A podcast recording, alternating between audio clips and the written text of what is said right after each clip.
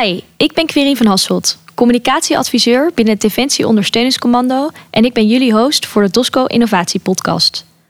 Al onze collega's doen het werk zo slim mogelijk, zodat we elke dag de beste ondersteuning kunnen leveren aan de krijgsmacht. Binnen de hele organisatie lopen initiatieven om dat werk nog slimmer, efficiënter, effectiever of gewoon leuker te doen. In deze podcastreeks interviewen we collega's die daarmee bezig zijn. Ben jij ook betrokken bij een innovatieve ontwikkeling en wil je daar graag over vertellen? Laat het ons weten via het e-mailadres ontwikkelfonds.dosco.mindef.nl. We zijn beland bij het tweede seizoen van deze podcast. Voor deze aflevering interview ik Jasper Jochem, hoofd van het Robotics Control Center van DOSCO.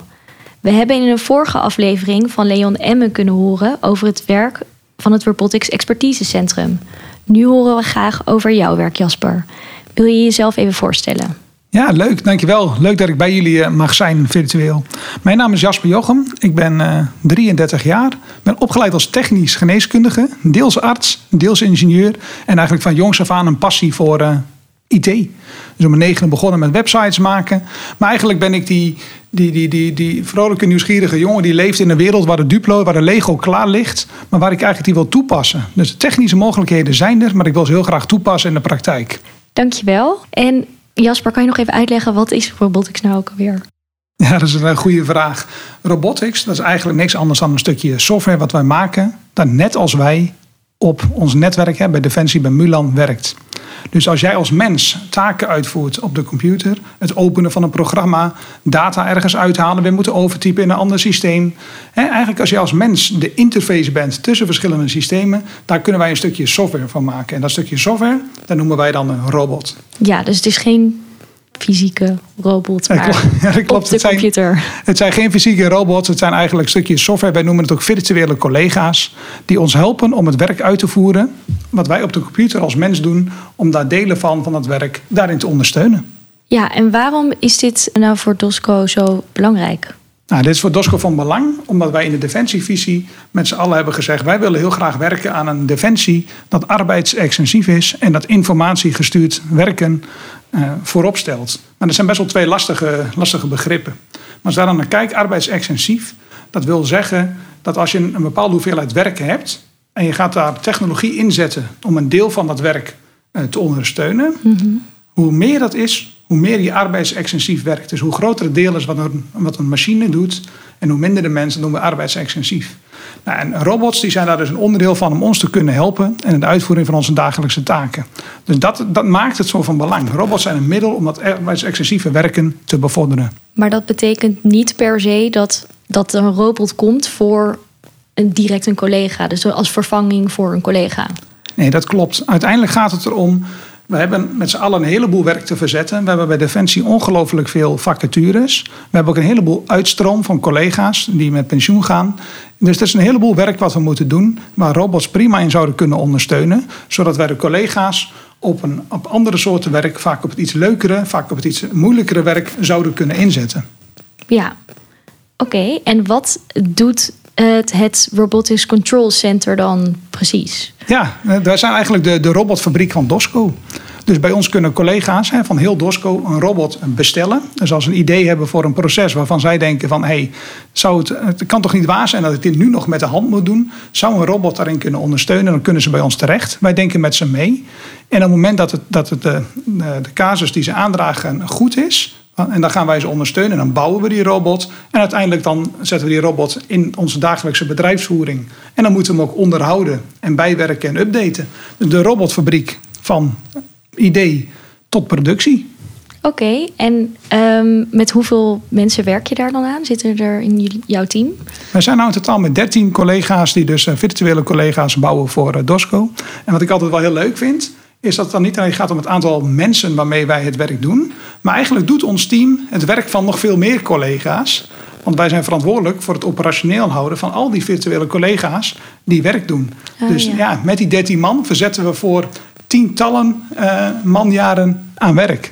Oh ja, wat leuk. En, en kan je wat uh, successen al uh, vertellen? Wat hebben jullie al bereikt? Welke robots zijn er al in de organisatie live? Een paar voorbeelden? Ja, er zijn een heleboel robots.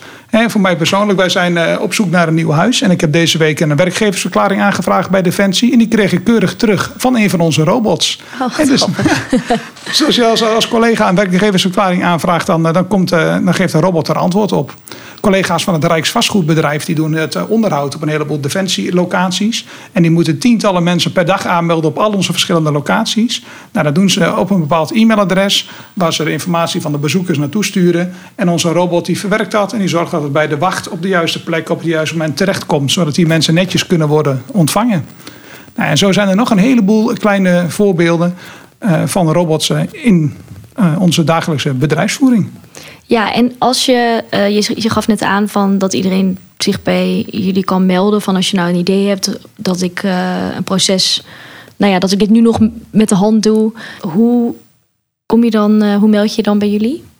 Ja, dus mensen kunnen zich bij ons melden via hun eigen afdelingshoofd die ons weten te vinden. Maar je kunt ook ons rechtstreeks een e-mail sturen. En dat is rcc.dosco.mindef.nl. En vanuit daar zullen we je vragen oppakken. Dan zal het een van onze collega's je bellen om de vraag die je hebt verder te gaan doornemen. En te kijken of die zich ja, leent om verder te gaan oppakken met een robot. Ja, en hoe gaat zo'n traject dan? Ja, nou wat voor ons heel belangrijk is, hè, want er zijn best wel veel mensen die dan denken van oh, dat ene taakje, het zou toch handig zijn als ik dat niet meer hoef te doen. Maar als er maar één persoon is en die heeft af en toe dat een uurtje wat hij niet zo leuk vindt, maar wat hij toch denkt dat een robot het kan doen, dat is natuurlijk voor DOSCO in het grotere geheel eh, niet hetgene wat we zouden willen doen. En wij zijn eigenlijk op zoek naar de eh, gevallen waarin we zeggen: dit is een proces wat heel vaak wordt uitgevoerd waarbij je eigenlijk niet nauwelijks uh, hoeft na te denken. En wat wij gewoon kunnen vastleggen, nou, dat zouden we graag willen robotiseren. En dus wat we doen, is als jij die, eh, de vraag hebt gesteld en jij bent degene die dat proces in de dagelijks in de praktijk uitvoert, dan kijken we een keer met je mee. Dan laat jij ons zien wat je doet, mhm. hoe je het doet, waarom je het doet. Eigenlijk de, de werkinstructie. Laat ons zien wat je op Milan doet om dat proces te, dan uit te voeren. lopen jullie een dagje mee? Ja, een dagje meelopen in het leven van. Hè, en dan specifiek voor, die, eh, voor dat proces. En als we dat hebben, dan leggen we dat vast. In een procesbeschrijving van de huidige situatie. Vervolgens gaan wij nadenken over hoe we dat zouden kunnen automatiseren. Mhm. Hoe we dat kunnen robotiseren. Nou, dan hebben we natuurlijk te maken met systemen bij JVC. Dan hebben we te maken met een heleboel dienstverlening van DOSCO informatiemanagement. Dus dan hebben we een heleboel afstemming. Maar eigenlijk dat gecombineerd hebben, dan gaan we ook een, een business case eigenlijk bekijken. Is het de moeite waard om nou deze robot te bouwen? Dat, jou kost het tijd om het te maken. Het kost ons tijd om het te maken. Je moet erop rekenen, een robot bouwen is ongeveer ja, tussen de 300 en 400 uur aan werk van ons gezamenlijk om dat te doen. Dus dan moet je wel een proces hebben wat, wat, meer dan zoveel uur per jaar aan tijd kost. Want anders dan uh, hebben we nog niet uh, de winst die we zoeken. Nee, precies. En je doet het dus echt samen met de aanvrager. Absoluut. Ja, want wij, wij werken voor heel DOSCO. Dus wij zijn absoluut geen domeinexpert. De collega's in de bedrijfsvoering, dat zijn de experts over het werk wat zij uitvoeren. En dat is bij DOSCO heel verschillend, hè, want we zijn bijna ja, een tientallen mini-bedrijven. Nee, dus Met die experts doen wij, uh, gaan we naar dat proces kijken en gaan we uiteindelijk robotiseren. En met die experts houden we ook de robots in de gaten als ze eenmaal in bedrijfsvoering zijn. Want af en toe verandert het proces of we moeten controleren of de robots wel doen wat we met elkaar hadden bedacht dat ze deden. Dus dat blijven we altijd doen met onze collega's in de bedrijfsvoering. Leuk. En, en wat zijn een beetje de uitdagingen waar jullie uh, tegenaan lopen? Want dat heb je die vast ook? Ja, nou wat, wat, je, wat je merkt bij Defensie is, uh, het is een grote organisatie, maar het is ook een organisatie vanuit IT-perspectief met een heleboel verschillende systemen. En soms noem ik het een beetje de, de lappendeken. Ik ben al een jaar in dienst bij Defensie, maar het is best wel een uitdaging om daar een, om daar een overzicht in te krijgen. En we willen ook wel een robot maken waar we de komende tijd wat aan hebben. Dus we moeten dan ook uitpuzzelen of er niet morgen al een ander systeem geïntroduceerd wordt. Of dat, dat JVC al met een vervanging bezig is. Dus het gaat om een stuk afstemming. Dat is echt wel een uitdaging om te vinden van... We hebben hier een vraag van een collega die dit werk dagelijks doet. Die denkt dat zijn of haar werk beter of sneller of anders kan. Nou, daar gaan we dan mee aan de slag. Maar die afstemming, dat is een, een complexe. Want we gaan een proceswijziging voorstellen voor de, ja, voor de komende periode. Dus dat is een uitdaging. En wat we ook merken is dat collega's het soms ook wel eh, heel spannend vinden, een mhm. robot. Ja. om verschillende redenen. Ja, ik kan me inderdaad misschien wel voorstellen dat mensen niet altijd zitten te wachten op een virtuele collega. Ja, het, is heel verschillend. Sommige mensen staan bij ons in een rij die denken van ja, ik, ik, ik heb er nog zoveel taken waarvan ik denk, hè, het is, we leven in 2021, bijna 2022. Het kan toch niet waar zijn dat we dat nog met de hand moeten doen? Um, nou, dat zijn mensen die heel graag bij ons aansluiten om te kijken of ze delen van hun werk kunnen robotiseren en met plezier een ander deel van hun takenpakket gaan oppakken. Maar er is ook een uitdaging dat sommigen denken van ja, misschien gaat het wel ten koste van mijn baan. Ja, precies. Ja. Maar dat is, heb je net uitgelegd, dat is dus niet zo. Nee, daar hoeft helemaal uh, geen sprake van te zijn bij DOSCO. Er is voldoende werk dat wij met z'n allen kunnen oppakken. En de collega's die zien vaak die taken liggen. De afdelingen die hebben nog een heleboel wat ze zouden willen doen. Maar er is geen sprake van. Het is absoluut niet. Er komt een robot binnen en dan gaat een mens naar buiten. Absoluut niet. In de toekomst bestaat DOSCO uit mens en een stukje machine. Ja, dus dat is ook wat je hoopt in de toekomst te kunnen bereiken. Ja, ik hoop dat mensen dat zo meteen heel normaal vinden. Dat we in de toekomst naar, naar DOSCO kijken en dat het heel normaal is dat je... Ja, je kan niet helemaal fysiek dat je naast die collega zit en naast die virtuele robot.